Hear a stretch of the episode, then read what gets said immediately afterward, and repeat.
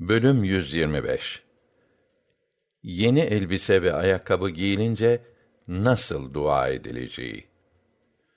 Hadis 813. Ebu Said el-Hudri Allah ondan razı olsun şöyle demiştir. Rasulullah sallallahu aleyhi ve sellem yeni olarak giydiği sarık, gömlek, rida gibi şeylerin adını söyleyerek şöyle dua ederdi.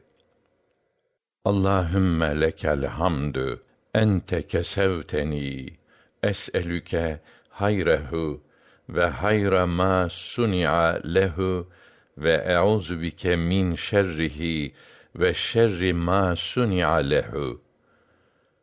Allah'ım her türlü eksiksiz övgüler sana mahsustur. Bunu sen bana giydirdin. Senden bu elbisenin hayrını ve hayırda kullanılmasını istiyorum. Bunun şerrinden ve şerde kullanılmasından da sana sığınırım.